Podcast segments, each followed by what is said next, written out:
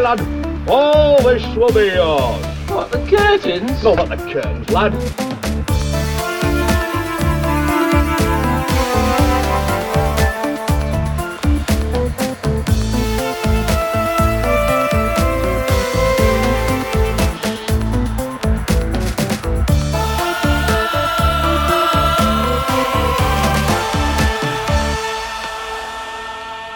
Välkommen till skräckfilmspodcasten Vacancy med mig Erik Nyström. Och med mig Magnus Johansson. Lite nyktrare den här gången. Yes. Kanske ska be om ursäkt för sludderfesten som var våran eh, nyårs... Eller vad man ska säga årssammanfattande avsnitt. Yes. Den var stark. Den där dörren.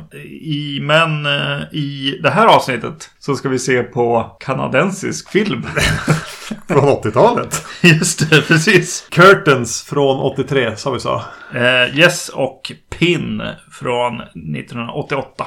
Pin är en request eh, från en lyssnare. Mm. Och Curtains är en film som jag ändå har velat komma till på podden. Mm. Så mm, liten, hittade någon liten kanadensisk koppling. där. Det behöver inte alltid vara så jävla klockers när vi gör här temaavsnitten. Eller vad man ska säga. Nej. Ihopparningen. Nej, det duger. Hedug. Vi tänkte väl börja med Curtains. ja, precis. Regi är Rickard Tjupka. Ja. Men vi kan komma vidare eh, med, med regin också. Ja.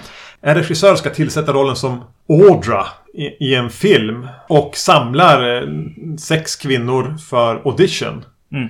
Det finns lite bakgrundskrångel i det här också men de börjar dö en efter en. Det här är väl någon slags bastard-slasher. Jag hörde talas om den först innan en slasherbok jag läste.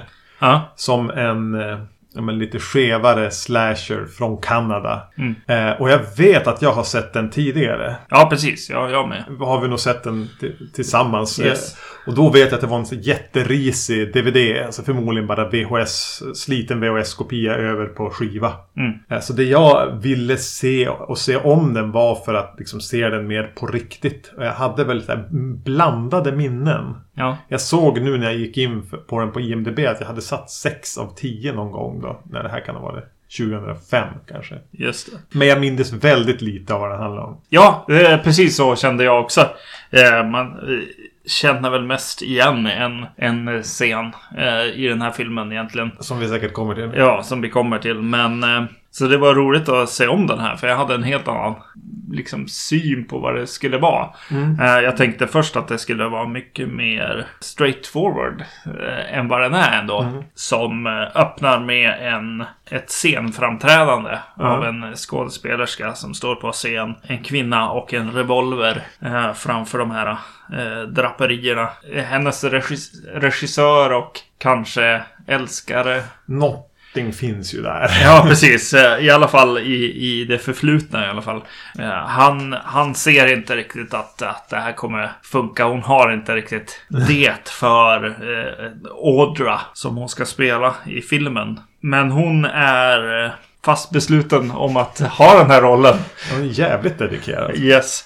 Så, så för att eh, kunna komma till, till den här eh, psykiskt eh, sjuka Audra eh, så eh, lurar hon in sig på ett psykhem.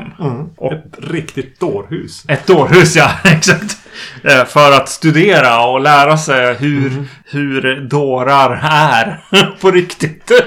och jag säger så för att filmen här tar ju...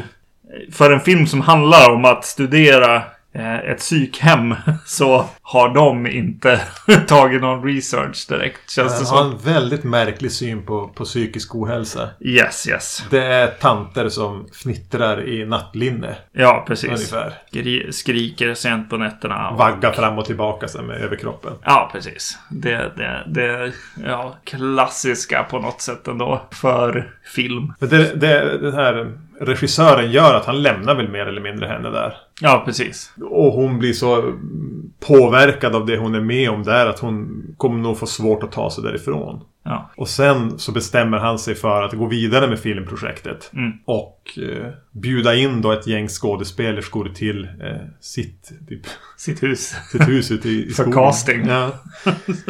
eh, och då eh, rymmer hon från psyket. För att Mm. det här tycker hon känns orättvist. och det är som hon som har varit den drivande i det här projektet också. Just det, precis. Hon, hon har förmodligen köpt eh, rättigheterna och, Mm. och kommit eh, med projektet till honom. Det som gör det lite intressant här är att eh, regissören i filmen heter Jonathan Stryker. Mm. Och filmens regissör här, Tjupka, har valt att kalla sig för Jonathan Stryker när han har regisserat den här filmen. Ja. Tjupka-namnet nämns aldrig i förtexten. Det är på IMDB det står. Utan den här är regisserad av Jonathan Stryker. ja, just det. Han har aldrig kallat sig för det efter det heller. Nej. Som ju får en att tänka att det finns ett metalager här. Ja. Men jag ser inte riktigt det. Nej. Nej, exakt. Det finns ju inte riktigt. Eller vill han tala om någonting? Det någon bekännelse där? Ja, någon bekännelse kanske. För vi, för vi kommer ju till, till mycket av de här. Ja men synen på casting. Det är, vad heter det? Det är så här man ska ha sex med, med producenten och sådana Ja. grejer också som, som kommer in här. Eh, Striker här spelas av John Vernon. Jag tycker han känns småfull hela tiden. Som Ja. att han hela tiden måste skärpa sig inför varje tagning för att inte gå in i något bord eller så. Ja, Det är någonting som känns... Så, han har ju som ett lugn och en liten schysst accent och, och så. Men det känns vingligt. Ja. är någonting som inte... Jag vet inte om Vernon hade alkoholproblem. nej jag vet inte heller. Men jag får... Någonting är off. Jo, och det är lite underligt. Något som slår mig är att, att filmen vill prata. Alltså det är en, en kanadensisk eh, slasher. Eh, de hakade på ganska tidigt.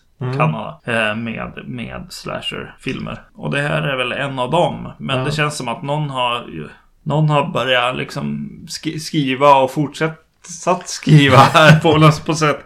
Det är väldigt mycket text skriven. Det är mycket dialog. Mycket tankar kring eh, filmbranschen. Mycket karaktärer liksom. Det är ju karikatyrer på så här divor och ja, lättfotade ko, eh, komiska karaktärer. Ja, nej men det... Ja, den har någonting där och den, den, den trasslar väl till det lite grann för sig också med det här att vilja ja, men ta sin egen väg. Och tydligen så var den trasslig, alltså att den var påbörjad, de bröt, skrev om, fortsatte. Jag tänkte på det, för det vi såg i eftertexten, att det var en Act 1 och en Act 2. Och det var nästan helt skilda, alltså, heter det, crew members. Ja, precis. I, I de två. Att de har nog gjort, den i två sjok och det har varit ganska mycket omarbetningar. Den, den är ju inte alls så rakt på sak. Utan den krånglar till det ordentligt innan de kommer till huset här. Ja, precis. Det är ganska många långa, väldigt skådespelade, dramatiska scener. Ja. Som spelar lite grann som Dallas-konfrontationer om otrohet eller någonting. Alltså, det. det är någonting med hur skådespelarna ser ut och hur de spelar det som känns dynastin. Okej, nu måste jag pausa här. Bara, bara berätta att jag vet, gjorde en, en referens till Dallas, tv-serien Dallas på jobbet eh, häromveckan. Och, eh, och mina kollegor bara, vad, vad pratar du om för någonting? vad, vadå? Dynastin och Dallas. Jag sa, jag sa någonting Falcon Crest. Ja, precis. Jag sa något om, ja men det här är som J.R. Ewing eller någonting. Något om någon whisky eller vad det var vi pratade om. De bara, va? va? vad är det för någonting? Men det är något lite Sue Ellen över... Yngre Sue Ellens över de del av skådespelarna. ja, ja precis. Fast de är även brittiska. Så det här är som en Kanada-brittisk produktion. För många är engelsmän. Eller Ja, engelskvinnor här också. Mm, mm. Vilket gör att den känns lite märklig. Nästan lite svår att placera både i tid och rum här. Ja. Ja, men det är kanske början att den känns lite mer tv, tv-thriller än slasher. Kan, kan det vara så att de till och med bara sa till slut bara, nej men vi gör bara en slasher. Ja. Kanske. För det tar ju väldigt lång tid innan, innan någon typ av, av skräcksekvens egentligen dyker upp. Ja, det är den här krångliga... eh, Återigen, det ordet jag använder. Här sekvensen med den här kvinnan som har en mardröm och som någon kommer in i huset. Eh, det går omkring en, en, en av de här, som ska vara en av skådespelerskor. Ja. Eh, som ska till det här huset. Och eh, för att presentera henne så går hon omkring i sitt hus. Eh, någon, någon står utanför och eh, andas och... och Drar ner en strumpa över ansiktet. Och... Precis. Och eh, scenen e- eskalerar som en slasherfilms liksom scen. Eh, som sen blir en, ett, någon slags överfall i hennes hem. Eh, som sen visade sig vara en sexlek. Ja. Ja. Som sen spinner vidare till att hon har en mardröm. Vad som, man tror att hon är på väg dit. Ja. Men det visar sig vara en mardröm. Ja. Eh, vi spoilar här va? Ja, ja, ja, ja, ja, Ja, eh, till viss del. till viss del. Vi kanske inte avslöjar vem som är mördaren. Nej. Men, men eh, och när hon vaknar upp från mardrömmen så vandrar hon i princip in i mördaren som hugger ihjäl henne. Ja, precis. I, i hemmet. Så hon blir liksom överfallen. Sen blir hon dö- mördad i en, en mardröm. Och sen blir hon attackerad på riktigt. Ja. Så, så den här kvinnan får gå igenom en hel del för att få en kniv i magen Ja. i slutändan. Och jag trodde här att vi skulle presenteras för den som skulle visa sig vara någon slags final girl här. Ja, precis. Lite det, men som verkligen en parentes. Hela hennes... Vilket också får en att fundera på, är det här någonting de... Alltså att de hade filmat henne eller skrivit upp henne på ett kontrakt men de kunde inte få henne till fortsättningen så de gjorde det här separat eller det föll bort en skådis. Någonting. Ja, vi saknar en, säger Ja. han där. Så Det då åkte de och spelade det här långt i efterhand. Men den har någonting skevt över sig. Okej, jag, jag tycker inte riktigt om den här stalking-sekvensen som Nej. sen visade sig vara någon eh, sexlek. Ja. Den gjorde inte så mycket för mig. Men den här dockan hon har bredvid sängen som hon tittar på just innan hon somnar. Som sen är som en docka som står i vägen som gör att hon stannar. Det är någonting lite. Den har någonting. ja, precis. I spöregnet går hon ut också och håller typ så manuset över huvudet. Och så Ja. ja, någonting lite obehagligt med det. Ja, jag gillade den sekvensen lite grann. Och sen eh, den här riktiga eh, attacken som hon bara vandrar in i. Eh, Den, är, den har för lite element, vilket gör att den blir eh, väldigt plötslig. Ja. och funkar på ett sätt av det. eh, Tack vare det. Att så här, oj, nu kom det en bild snett ovanifrån och sen en in, inshot bild på, på liksom att kniven och den är lite stökig. Ja. Eh, på, på ett sätt som ändå på något sätt eh, gjorde att man eh, hoppade till eller någonting hände i, i orosnerven på något sätt. Jag var inte beredd på att det var dit vi skulle heller. Nej, nej. Och det är väl lite det jag får med mig. hela- Jag är aldrig riktigt säker på vart vi ska med den här filmen. Nej. Och där har ju mördaren ett litet, eh, för, inte försprång, men eh, en upside för att det, det kan komma när som helst. eh, helt enkelt. Attacken och så. Och från vilket håll som helst. Eh, för de använder sig lite grann av det här lite, den osynliga mördaren. Det är Tobe Hooper-grejen här. Att mördaren kan gömma sig för... Gömmer sig för publiken. Ja, precis. Men borde egentligen vara fullt synlig för... För karaktärerna, Ja. ja, precis. Exakt. Eh, så att eh, man hoppar ju till lite grann. Eller i alla fall blir förvånad över vad som händer. Eh, för, för att hoppa till en specifik sån sekvens. Istället för att spoila. Så, så hoppar jag i ordning här. Nej, det är en, så, en, en av de här kvinnorna som tar någon slags danspaus. Ja. Eller, eller öva på sin dans helt enkelt. Eh, Där, där finns definitivt den här osynliga mördaren. Som i, om den inte är i frame så finns den inte. Som jag tyckte funkade bra faktiskt. Det är ju lurigt med det. För du Ja. kan antingen som publik bara känna det, kom igen. Ja, Eller så kan det ge den här lite förhöjda, jag blir otrygg ja. hela tiden. Att mördaren kan som gömma sig under kameran. Mm. Eh, och jag, tycker, jag håller med. Jag tror att den scenen liksom eh, fick in mig i så här, ja men det är dansen och sånt och så, och så får man se hennes ansikte och så åker den långsamt in mot ansiktet. Och jag kände hela tiden att det handlade om något annat. Det skulle komma till någonting om hur hon känner över att vara där och så.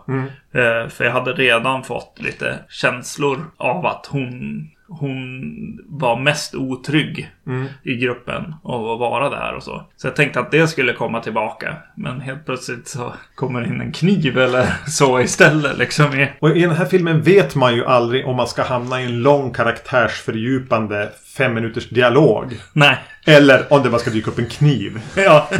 yes. Så, så den har den här sköna osäkerhetsfaktorn hela tiden. Mm. Men låt oss hoppa tillbaks egentligen då. Till vad då? Jo, de har ju träffats där. Eh, De saknar en.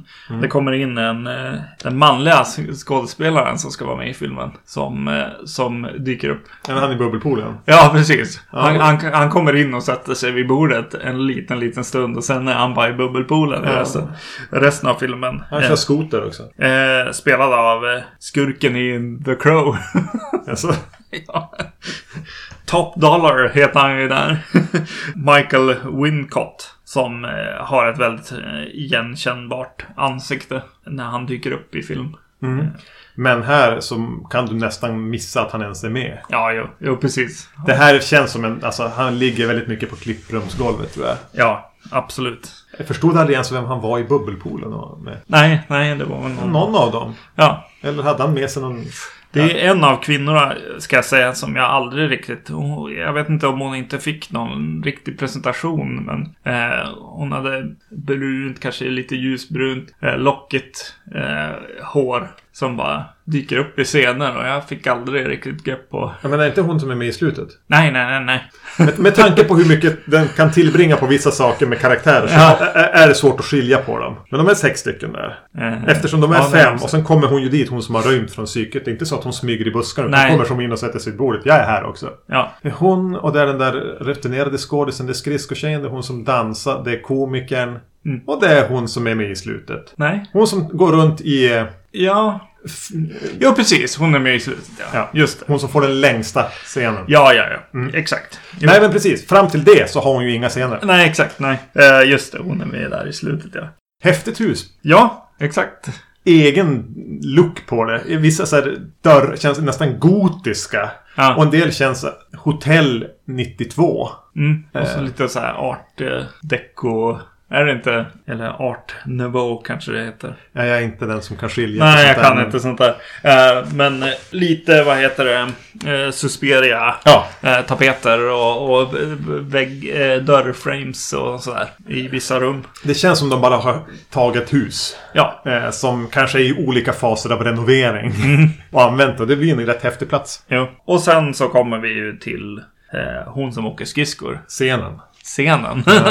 för filmen. För det var den jag hade hört talas om innan också. Ja. Jag ska säga att mördaren här har en, en häxmask eller vad man ska säga. Eller en så här gammal kvinnamask. Ja. Från Buttericks. Alltså det är inget speciellt med den. Nej. Långt hår. Eh, den yngsta av kvinnorna som ska på audition är lite, också lite... Vad, vad, gör... Alltså, vad har hon där att göra? Ja. Hon, hon är tydligen skridskoåkare. Ja, hon verkar ju vara det eftersom att regissören frågar om, han, om hon har med sig skridskorna så att hon kan åka.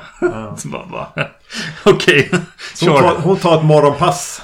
Eh, Och åker runt på sjön. Bara här att, eh, märker man att det är kanadensare som är inblandade. För de vet i alla fall vad vinter och snö är. Ja. Det är inte de här amerikaner som får gå runt och låtsas frysa och ha snö som så uppenbart är fake att eh, det, det är svårt att ta på allvar. Det här känns nästan som det skulle kunna utspelas här. Ja. Och de är på någon slags frusen sjö, det är de ju. ja, precis. Som Jo. hon åker, åker runt på så blir det problem med hennes bandspelare. Mm. Bara det att hon får som, åka runt lite grann till en poplåt. Det skapas en ganska drömsk stämning här. Ja. Och så dyker häxan upp. Kan, Jag kallar hon för häxan. Hon har konstig hon typ täckbyxor på sig. Ja. Det är till och med ljudet av täckbyxor mot varandra. Hon ja, just det. Som kommer åkande bakom henne med en, med en typ skära. Som är alltså, Sovjetskära här. Hon, Ja. har ingen, hon lämnar hammaren.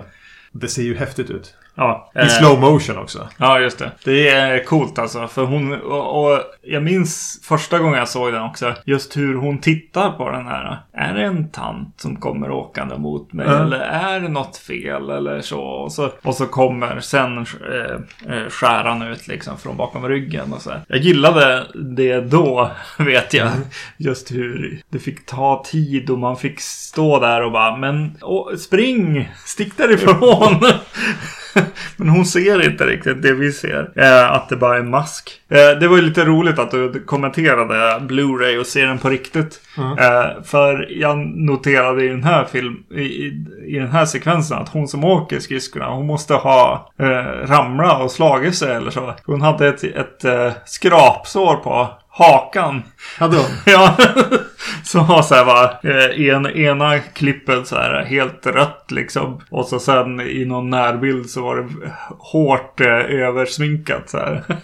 Någonting Så. hände på isen. Yes, absolut. Hon måste ha har ramlat. Ja, nej men det var roligt med, med Blu-ray kontra VHS eller vad det nu kan ha varit. Men det jag tänker med den här scenen, jag tror inte riktigt de visste hur bra scen de hade. Nej, nej. Eh, Det blir även en ganska häftig attack när, när, när häxan här, eller kvinnan bara kommer och furiöst hugger med den där skäran. Ja. Men sen tappar de lite tron på det och jag tycker lite att de inte utnyttjar den så mycket som det hade gått att göra. Mm. Den, det är ju det standout-scenen på många sätt. Men ah, jag, jag tycker inte riktigt den är i mål. Även om jag kan gilla den här mardrömspanikkänslan sen när hon börjar springa i snö. Ja. Med skridskor på. Ja, det är en bra idé. Eh, skridskoljudet också när... Ja, som du nämnde lite grann. Att ljudbilden där är väldigt, väldigt nice. Alltså, när man hör skridskorna åka på isen också. Och täckbyxorna vina mot varandra. Ja, jag trodde aldrig det skulle kunna vara ett läskigt ljud. Nej. Sen blir jag lite förvirrad igen. Jag blir så här, ja men det, är ju uppenbart en who done it. Liksom. Ja. Den här masken blir som en del i, deras jobb med filmen också sen. Ja. Eh, Av någon anledning så ska en del ha på sig den i vissa scener. Ja. Eller när de ska göra eh, Odisha. Odisha. Heter det så? Absolut. Så ska någon, nej men ta på dig masken nu. ja, det var konstigt. Det är Ja. Som att, men nu är ni i två olika världar liksom och har samma props. Underligt. Den tar ju en del oväntade svängar också mot slutet. Det är som att de drar upp tempot. När de har klarat av alla de dramatiska scenerna och den bara, nej men nu kör vi fullt ut slasher här. Ja. Och det dras revolvrar och vet, en helt sanslös scen. när en karaktär faller ut genom ett fönster på övervåningen och lyckas falla in genom fönstret rakt under. Här har ja, någon som har, verkligen har suttit fast med manus. Ja. Hur ska jag få ut karaktären? Hur ska de här karaktärerna få veta det? Att den, ja, att det har hänt. Ja. Nej, det var konstigt. Och sen, sen en, någon slags så här slasher slutstridjakt liksom. I det här teaterlagret. Ja, teaterförrådet. Ett teaterförråd. Jag bara, jaha, okej, vi ska sluta i båthuset tänkte jag. Ja. Och sen bara blev det bara större och större och större. Eh, med massa gamla props och eh, delar av scener, scener och... eh, Skyltdockor. Ja, just det. Massa skyltdockor. Alla typer av läskiga props. Ja. eh, Och curtains då också. Ja. Äh, det, det blir väl roligt. Ja, jo, men sätt, precis, Den sekvensen. Än en gång en sån här tillfälle där eh, mördaren kan dyka upp lite vart som helst. Mm. På ett lite roligt sätt. Jag, tror, jag tycker nog inte någon av dem där blev så här. Nej, jag, jag köper inte. Nej. Utan, utan alla de där plötsliga sakerna som händer från konstiga håll funkar ändå. Funkar men blir aldrig perfekt. Nej, nej, nej, nej. Det är, det är verkligen Nej. något slags mellanregister hela tiden. Jag är så lite kluven till filmen. För jag är Ja. positiv till mycket. Just att den känns så skev. Ja, Den känns på något vis lite grann som ett här yngre halvsyskon till Black Christmas. Mm. Att den har lite av den texturen och bara, jag vägrar finna mig att vara en sorts film. ja. Eh, Den försökte kanske vara eh, en komedi i vissa fall, Black Christmas. Ja. den här, ska den här in och vara tv-drama i skådespelarbranschen. Med groggen i hand. Ehm, och, och det märks att den har haft problem kanske på manusnivå. Jag får, får bli gjord och sånt där. Men det är lite charmen med den också. Mhm. Men å andra sidan blir den den blir fan långsam. Jo. Bitvis. Särskilt när den här onyktra John Vernon ska segprata sig igenom sina scener. Han ska vara en ganska osympatisk regissör. Ja, Men jag tycker inte riktigt att... Det är som att scenen har en tendens att dö när han är där. ja, precis. Ja, just Ja, eh, precis. I skevhet också kontra annan slasher. Slasher brukar hålla sig ganska mycket från sånt här med liksom jobbiga frågor.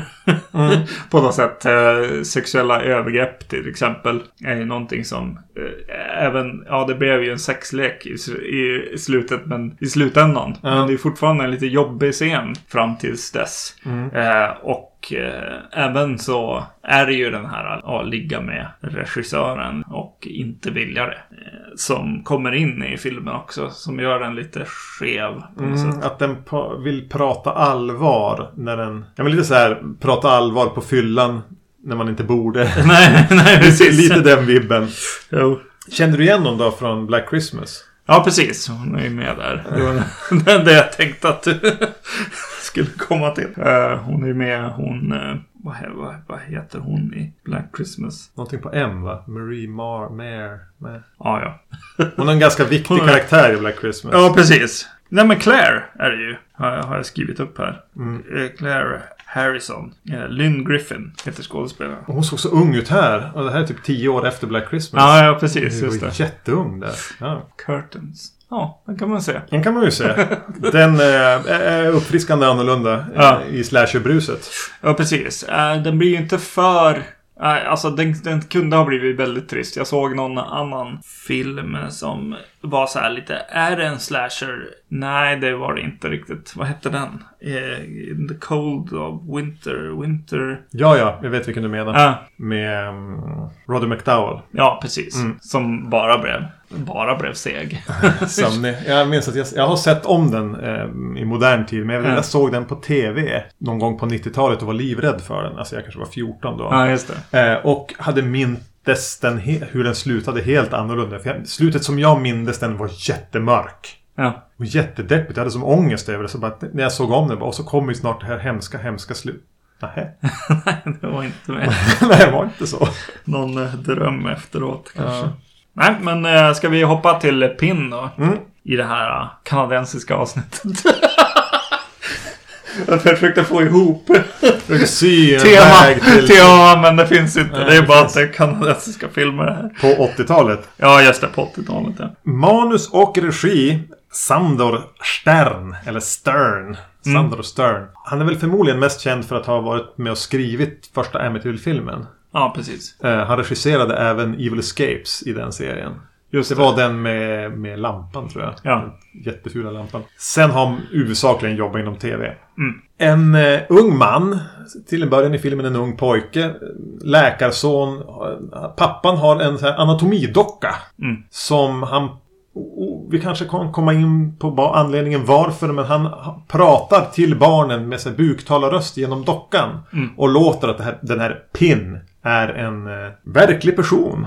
Sonen, om det nu var en lek eller om det var allvar, han tänker att det här är allvar. Och när vi kommer in i filmen på allvar är han i 18-19 års ålder. Ja. Och eh, är väl fast och fullt övertygad om att Pin är en verklig person. Ja. Och det blir komplicerat. ja.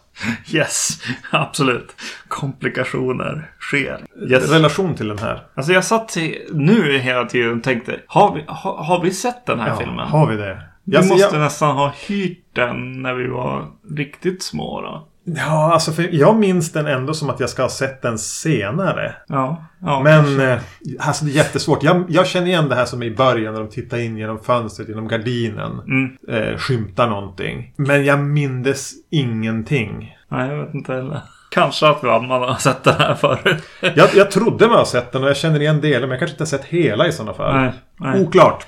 Vi var båda lite rädda innan ska jag ju säga att vi skulle tycka den var rätt trist. Ja, Det var no, no, någon sån kän- känsla vi hade. Om den har en sån aura. ja precis. Ja, den kanske har en dålig trailer eller något. Ja. Den öppnar ju med de här, ett gäng po- pojkar. Ja. Eh, som spionerar på ett hus där det sitter något i fönstret.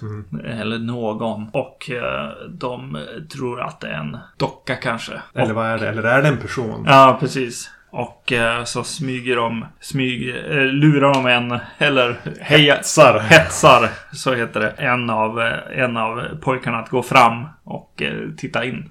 Eh, som klättrar då upp och till och med till det här fönstret. Och då säger en röst Get out! Ja. Som i The Amityville Horror. Jag återkommer till hur mycket vi kommer att håna stackars Sandor för det här. Men, men Ja, det är ett jävligt smart sätt att börja en film. Att presentera någonting. ja, Göra det här, ha de här barnen som har det som eh, utmaningen, hetsa varann. Vågar du grejen? Ja. Ha det i början på en film. Vågar du se den här? ja.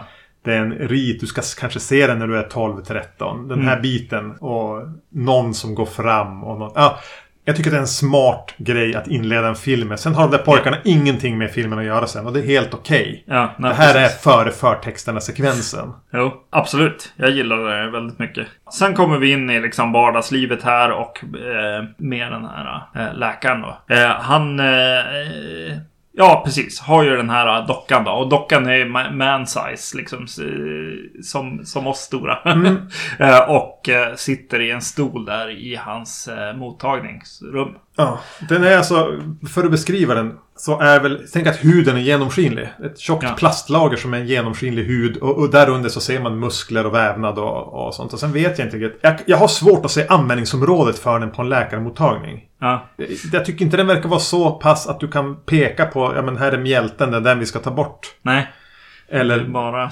det är typ musk, bara muskler. Muskler. Det är värt att lägga pengarna på. Ja. Ja. ja, det var konstigt. Mm, det, jag ser inte syftet med den. Nej, och eh, han har ju då kommit på att så här, eh, folk i byn eller i staden eh, får komma till hans mottagning, helst barn. Och så eh, gör han en liten rolig grej och prata med den här. Då.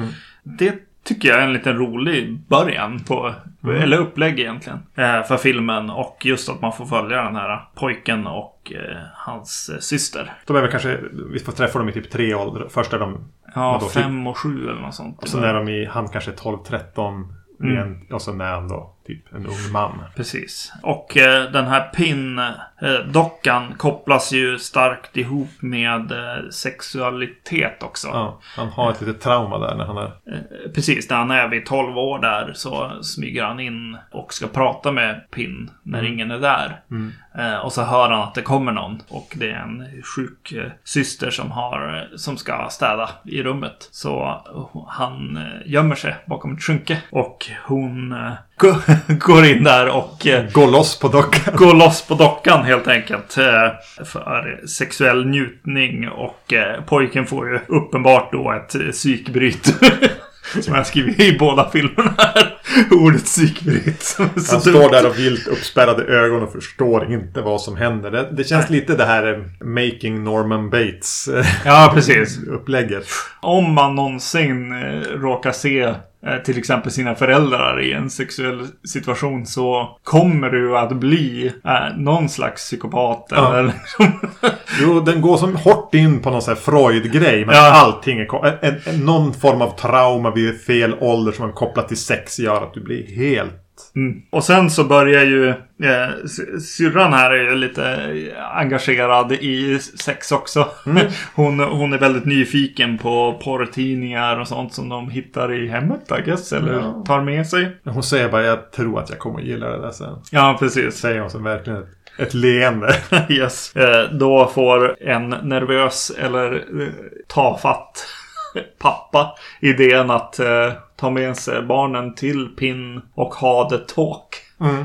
Att Pinn får ha det med dem. Eh, med blommor och bin och allt det där. Får eh, Pin eh, hantera. Så det blir ju definitivt någon slags knytpunkt där för, för eh, den här pojken Leon. Eh, som ju blir ganska eh, hämmad sexuellt. Nej. Utan han, han verkar vara emot campet.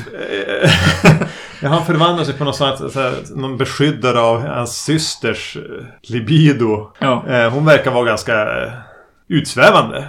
Ja, För att hon precis. vill. Eh, och han eh, slår väl halvt ihjäl någon kille här när de sen har kommit i tonåren. Just som det. hon har sex med i en bil. Och det är lite roligt när, för att jag tycker redan när han presenteras som eh, vuxen, förutom att han såg ut som en, en kompis till oss, men så har han lite, lite pappan i till, Tillbaka till framtiden, alltså Crispin Glover, eh, moves för sig och lite så här spasms eller liksom drag. Eh, rörelser som han, han har gett karaktären förmodligen mycket. Som Crispin Glover skulle ha gjort. Så när han han drar ut den här snubben och slår, slår honom ur bilen där. Eh, Så får man också lite tillbakablickar till Back to the Future-filmerna. David Hewlett, skådisen. Mm. Eh, det, han, det är mycket han som står i centrum. Ja, Och man märker att han har jobbat hårt. Ja det har han verkligen gjort. karaktären. Eh, han, han ligger väl hela tiden på en gräns till att bara tänka att ja, men, ja, men han gör det här rätt bra ändå. Mm. Till att han blir campy. Till att man bara ser hur, att det är överarbetat. Ja. Till att ja, men han gör det ju rätt bra. Han har ju verkligen gått in för det där. Jag tredelad kring insats. Vad tyckte du om David Hewlett? Fungerar han för dig? Jag tänker nog likadant som, som du där. Att det blir lite så här. Ibland funkar det. Men det blir mycket mycket att man ser hans tillvägagångssätt. Ja. Lite grann. Eh, att eh, han håller på med fingrarna mycket. Det är Mm. som att han själv kanske håller på att stelna till som... Eh, eller någonting. Jag vet inte vad han håller på med riktigt med fingrarna. Och, eh, och har sätta gå och sådana grejer liksom. Som han jobbar med. Mm. Och alltså skulle han inte göra det skulle det bli ganska trist. Jo, alltså han tillför ju ändå någon slags energi. Ja, ja, jo. För han har gått in för det här.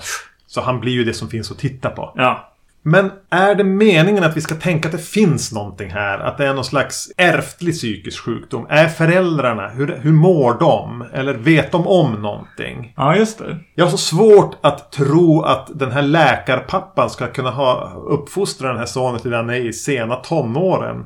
Och inte märka att han är skogstokig. Ja, precis. Eh, Och även systern är ju märklig. Ja, Och, och de verkar som... Å ena sidan är det som att man ska tro att de bara umgås de fyra.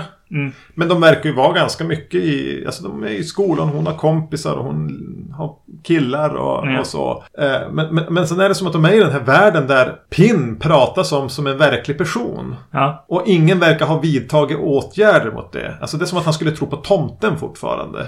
eh, precis. Det känns ju som att pappan inte... Han har inte tänkt på det. Han har tänkt på det som att, ja visst gör jag den här roliga saken. Alla vet ju, är ju med på det liksom. På ett sätt. Fast å andra sidan, ja, när han gör the talk med dem med pin istället. Så är det ju för att inte behöva göra det själv. Ja, det är någonting med att tränga undan saker som har med sex att göra. Ja, också. så, precis. så det finns nog någon... Jag tänker att det finns psykologiska... De har tänkt på här. Ja. Att det är någonting som är lite off även med föräldrarna. Mamman är ju... Ska göra så rent hela tiden. Ja, precis. de har typ plast på möblerna och sånt. Så det, det är ju genomtänkt. Men samtidigt tycker jag inte det finns där på ett sätt som gör att det ger någon skjuts åt filmen. Nej. Eh, Det blir snarare konstigt. Ja. Att det inte finns en sekvens mellan mamman och pappan där han säger jag är orolig för vår son. ja, precis. Det För de borde ha märkt det här. Jo, precis. Men han är ju liksom snygg och välvårdad och lyckad. Ja, Eh, För det man får veta att pappan vill är ju att han ska på något college och åka därifrån. Du ska ta det bara bort från den här stan. mm. Vilket ju också är lite märkligt om man börjar tänka att han är lite knäpp. Mm, för sen så, precis, så kommer det en sekvens där pappan inser vad han har gjort på Ja, något sätt. Han Eh, upptäcker att sonen pratar med Pin och Pin svarar med typ samma röst som han har gjort. Ja, Alltså buktalarröst som pappan har gjort under alla år. ja, precis. Och då blir han ju förfärad. Ja, precis, exakt. Det är för att Oj, vad, min son är ju galen helt Ja. enkelt. Eh, Så han har ju, i mina ögon så har han ju inte förstått någonting överhuvudtaget. Vilket jag har väldigt svårt att köpa. Ja, ja, precis. Jo. Jag tycker att alla omkring den här pojken borde ju reagera på att han tror att en docka är... Ja, fast samtidigt vad han agerar. Han säger så här. Åh, din mamma är där ute. Jag vill inte att hon ska se dig gå härifrån. Och sen tar han dockan med sig i bilen när de ska på någon... någon... Kom, lä- läkare kom... Han ska hålla något föredrag. Ja, precis. Bankettgrej. Ja. Så tar han dockan med sig. Är det för liksom... För det, man skulle ju kunna läsa det som att oj, han kom, håller också på att bli skogstokig. ja. som jag. eh, kanske. Eh, Nej, jag vet inte. Eh, Och då skulle jag ju hellre... För jag tycker ändå pappan verkar ganska vettig. Ja, Han är precis. som en bra pappa. Det är ju mamman som man tänker mer är den skeva i det där. Ja, exakt. Jo. Eh, ja, nej, det är lite underligt alltså. Under lite oklart. Eh, Mm. Skulle du säga att det är en bättre eller sämre hantering av psykisk ohälsa inom familjen än Hereditary?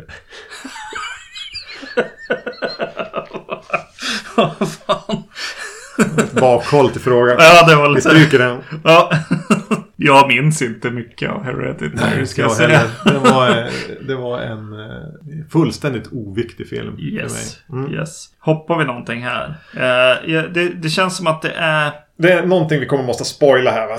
Eh, Och det är vad som händer med föräldrarna. Ja, precis. Exakt. Annars kommer vi inte vidare. Men, men jo, just det. Innan det så har de ju också en sekvens eh, när vad heter det, Ursula, alltså dottern i familjen, tror att hon är gravid. Ja. Eh, och Leon övertalar henne att gå till Pin och be om hjälp. Och Pin säger väl prata med pappa. Ja, precis. Och så har de en sekvens där, där pappa ska hjälpa till med någon slags eh, undersökning eller abort. Ja.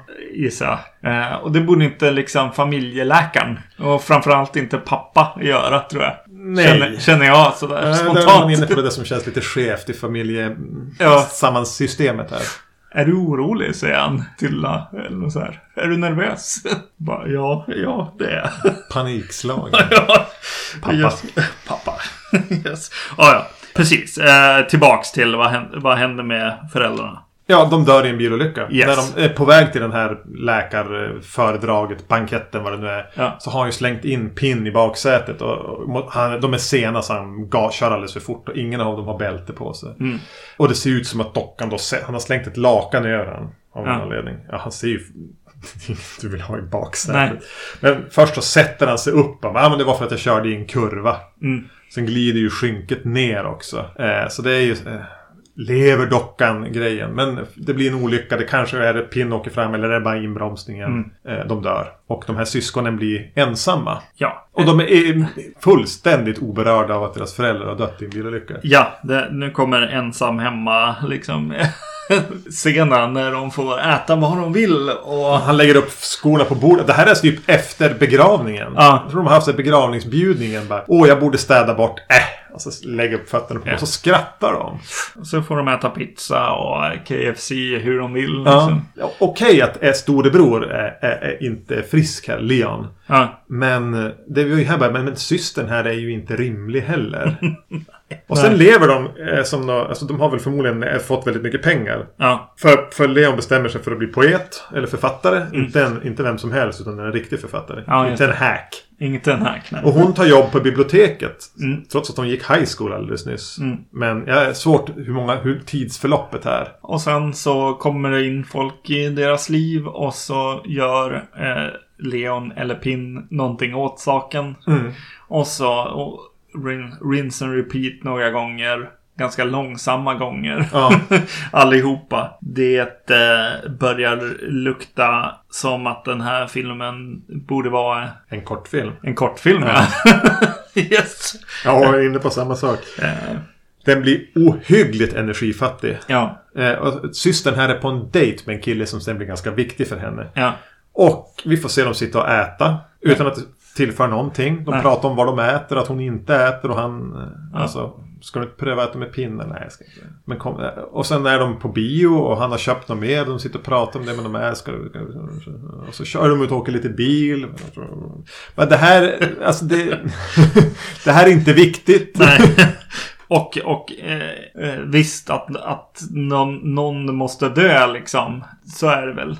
På något sätt. Men det känns som det är för många och för lång, långsamt liksom. Ja, nej gud vad sakta det går. Mm. Och då, då kommer jag till ett problem med filmen. Och den existerar lite grann i det här skräckfilmsvakuumet. Typ mellan 88 och Scream. Mm. Då, då det inte fanns någon tydlig identitet. Då skräckfilmer lika gärna kunde vara tv-filmer. Så att uppföljare i serier började göras för tv. Ja, precis. Tänker på Amityville eller Omen eller liknande. Där allting var väldigt ljust och platt. Mm. Väldigt mycket som utspelas dagtid i ett trevligt solljus utanför, utanför ett vitt hus. Ja. Och då tänkte jag, hur hade den här filmen känts om den hade varit tio år äldre? Lite Ja. kornigare, lite mer, lite mer regisserad, lite, lite mer 70-talskänsla. Säg att huset hade varit mer så här mörk, laserat trä. Ja. Hur mycket att man upplever att den tappar energi och blir lite vattnig är att den är bara en jävla otroligt estetiskt icke tilltalande period. Mm. Ja, och då skräckfilmer bara tilläts kunna bli lite åt dramahållet. TV-drama. Men på det sättet så är den ju lite lik The Amityville Horror. Ja. Den delar ju rena så här, liksom, oj, när man börjar ta tappa vettet fullkomligt, då måste man ut och hugga ved och... Alltså och, det finns och ha massa- lite twitch eyes. Ja, precis. Det finns en massa, massa grejer som hör i, som, som är lite liknande. Och den är ju ändå en 70-talsfilm. Ja. ja. Och eh, ja, ja, det ligger ju någonting i det du säger. Den hade blivit bättre om den hade känts mer som Amityville första. Och då säger inte jag att Am- första Amityville-filmen inte är speciellt bra. Nej, Eh, huset här känns ju som att det lika gärna skulle kunna vara det huset. ja precis. Stort, stort vitt, mm, vad heter det, kolonialvilla. Eh, sluttar ner mot vattnet. Mm. Nej, men alltså vi vet ju allting nu. Alltså i filmen på något sätt. Det, det finns inget mer att, att berätta egentligen. Hon har också kommit fram till att han är eh, psykiskt eh, sjuk ju. Det är därför hon beter sig lite konstigt och Mm. håller upp en fasad för honom. Låter han hållas lite grann. Ja, så precis. försöker de börja leva mer och mer sitt eget liv. Ja, för hon vill, hon vill inte att han ska åka på, in på, på psykhem. Och, men, och han vill Han vill också bara fortsätta det där puttriga livet. Ja. Han skriver något konstigt diktepos som han jämför med Beowulf. Där Ja. han väljer att läsa upp några delar som handlar om att våldta sin syster. Ja, han har ju lite problem och hon har ju någonting eh, större problem då förstås. då, då hennes eh, liv kanske är i fara lite grann. Men eh, Det sjuder ju bara. Det är ju aldrig så att han på något Nej. sätt är i närheten av att vara något annat än en brorsa heller. precis, men här, här finns det ju stoff, så, alltså saker som kunde få den här filmen lite, lite bättre kanske. Att det blev så här de Mm. två på något sätt. Alltså som kanske med eh, pappan och mamman. Alltså om man, om du, om, om man följer din lite tanke där i, i början att här, det är något kufiskt även med föräldrarna. Ja. Att, att den här skulle kunna gå i en loop liksom. Att de blev föräldrarna i slutändan. Eh, och då kanske, kanske den hade någon lite rolig twist på något sätt. Men det känns som att jag redan vet vart den här är på väg. Och den är på väg dit väldigt, väldigt långsamt. Mm. Och den bjuder inte på speciellt mycket på vägen när vi väl har lagt upp spåren. Ja, precis. Men Pin då? Vad tycker du om Pin som... Först har han ju den här genomskinliga huden, man ser muskler och allting. Och sen börjar sätta på någon slags... Om man sminkar han eller sätter på honom så han får som hud och hår och kostym. Och sitter Ja. i en rullstol som han fjärrstyrer hem. Vad tycker du om han som det läskiga? Eh, ja, det är inte så läskigt. Tycker jag nog inte. Eh, Nej. det finns inte riktigt där det heller. Nej. Även om jag och, lite grann kan uppskatta att det tonas ner så mycket. Mm. Att den, men den förlitas ju inte på chockeffekter. Nej. Utan den här tänker att det här psykologiskt obehagliga med någon som tror att någon är levande och att du eh, samtidigt tvingas nästan leva med den personen. Ja. Men där hade det måste utvecklas mer också. Jag kan tycka att när han gör rösten vid några tillfällen och, och, och liksom väsviskar med, med pinnröst. Mm. Att det har någonting. Ja. Den, den, den har som något nästan lite gurglande i sig. Eh, just det. Ja, nej men någon, någon typ av remake kanske. Mm, eller, den hade väl behövt en regissör. Ja. Det här är, han är ingen jättedålig författare så. Han har ju Nej. haft idéer och tankar här. Men vad, vad då tänker jag? James Wan skulle göra den här. just det. Nej, ja, nej, jag hade nog... Det, det, det jag tänkte, det jag sa till dig innan vi skulle bara Kanada. Och vi, Mm. och vi var rädda att den här skulle bli trist. Ja. Eh, Och det, den är ju lite trist. Då tänkte jag trist fast ändå intressant. Mm. Så här lite Cronenberg. Så här, som alltid... Nu har vi, vi pratat om Cronenberg än på Nej. podden. Men att han, det finns alltid mycket att prata om och tänka på kring hans filmer. Men som kan vara lite småtrista att titta på ibland. Ja. Cronenberg kanske skulle kunna hantera den här och få den åtminstone lite mer... Lite mer att ta i. ja, precis. Kanske Lite ta, mer kött. Precis. Tagit den, tittat på den, skrivit om någon sida och så eh, gjort något lite speciellt med den. Ja, ja twista till det lite till. Mm. Behöver den då. Den är ju hela tiden lite tillrätta... Känns lite tv-tillrättalagd. Ja, exakt. Den tar inte det här halvsteget mot incest som den kanske hade behövt. Ja. I lite större utsträckning. Utan den, den stannar på för tryggt avstånd för att kunna visas på tv. Nej, då får man se The Amityville Horror 2 istället. Ja. ja, jävlar. Kanske, än den här. Den borde jag se om. Mm. Den tror jag är en film som är bättre när man tänker på den också. Ja, så kan det vara. Eh, men jag, inte, jag tyckte väl inte illa om Pin, men den är, den är en sittning alltså. Ja. Nej, men eh, exakt. Jag håller nog med där. Curtains är ju bättre filmen eh, här. I det här avsnittet. Ja. Eh, tycker jag. Ja, fast Pin. Alltså, det är en bra premiss på något sätt. Det är vad de gör med den mot slutet liksom. Eller mellanpartiet kanske mer. Eh, som blir lite trist bara. Eh, vi vet inte vad vi gör nästa gång eftersom att vi, jag är kvar i Skellefteå just nu och spelar in avsnitt. Så vi väljer vad vi, vad vi ser när vi kommer till det. Vi finns på iTunes och vi finns på Spotify och vi finns på andra ställen där man kan lyssna på podcast. Jag vet inte vart man lyssnar på en Go- Google-telefon. Det, det vet ni bättre, men Jag tror att vi finns där i alla fall. Och ni har ju på något sätt hittat till oss. Eh, Facebook är väl annars ett bra ställe att komma i kontakt med oss. Eller podcast at vacancy.se. Vi finns på Instagram. Men det är väl mer våra egna privata konton. Och där heter du? Eh, Zombie-Magnus. Och heter Erknym. Men vi kommer tillbaka eh, alldeles strax med någonting nytt. Vad nu det blir. Hej. Hej.